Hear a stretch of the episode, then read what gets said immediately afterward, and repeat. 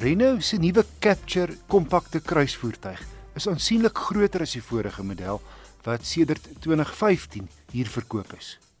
'n Volle 105 mm langer, nou net oor die 4,2 meter.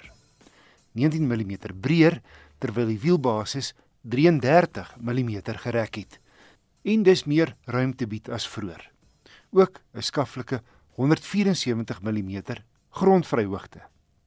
Die nuwe Capture vang die oog, gebaseer op die Clio. Hy spog met pragtige kontoure en opvallende ligte voor en agter. Ek het die top Intense model gery wat ook netjies 'n 17 duim alloy wiele bied. Teen 'n half miljoen bokke nie goedkoop nie. Maar die Renault, vervaardig in Spanje, bied in verskeie opsigte heelwat meer as die goedkoper teenstanders wat al hoe meer in Indië gemaak word. Ook die binneruim beïndruk in terme van gehalte, die materiale wat gebruik word, uitleg en algemene sofistikasie. 'n Groot vertikale sentrale skerm doen diens. Gelukkig wel fisiese knoppe om die ligversorging te beheer. Die leerstuur verhit, jou foon laai koordloos. Die Capture se sitplek is gerieflik, maar net gedeeltelik met leer oorgetrek. Teen die prys kon Renault maar vol leer gebied het. Hy het 'n omvattende stel veiligheidskenmerke soos laan verlaat en blinde kol waarskuwings.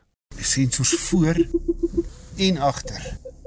Saam met 'n baie mooi duidelike tree beeld. Die sitgedeelte van die agterste sitplekke kan vorentoe en agtertoe skuif wat vir jou uh, meer beenspasie of vorentoe geskuif meer pakplek gee. Die 1.3 turbo petrol wat ook in die Nissan Qashqai en Mercedes A-klas ingespan word, skop 113 kW en 'n stewige 270 Nm wrinkrag uit wat baie mooi saamwerk met die 7-spoed outomaties.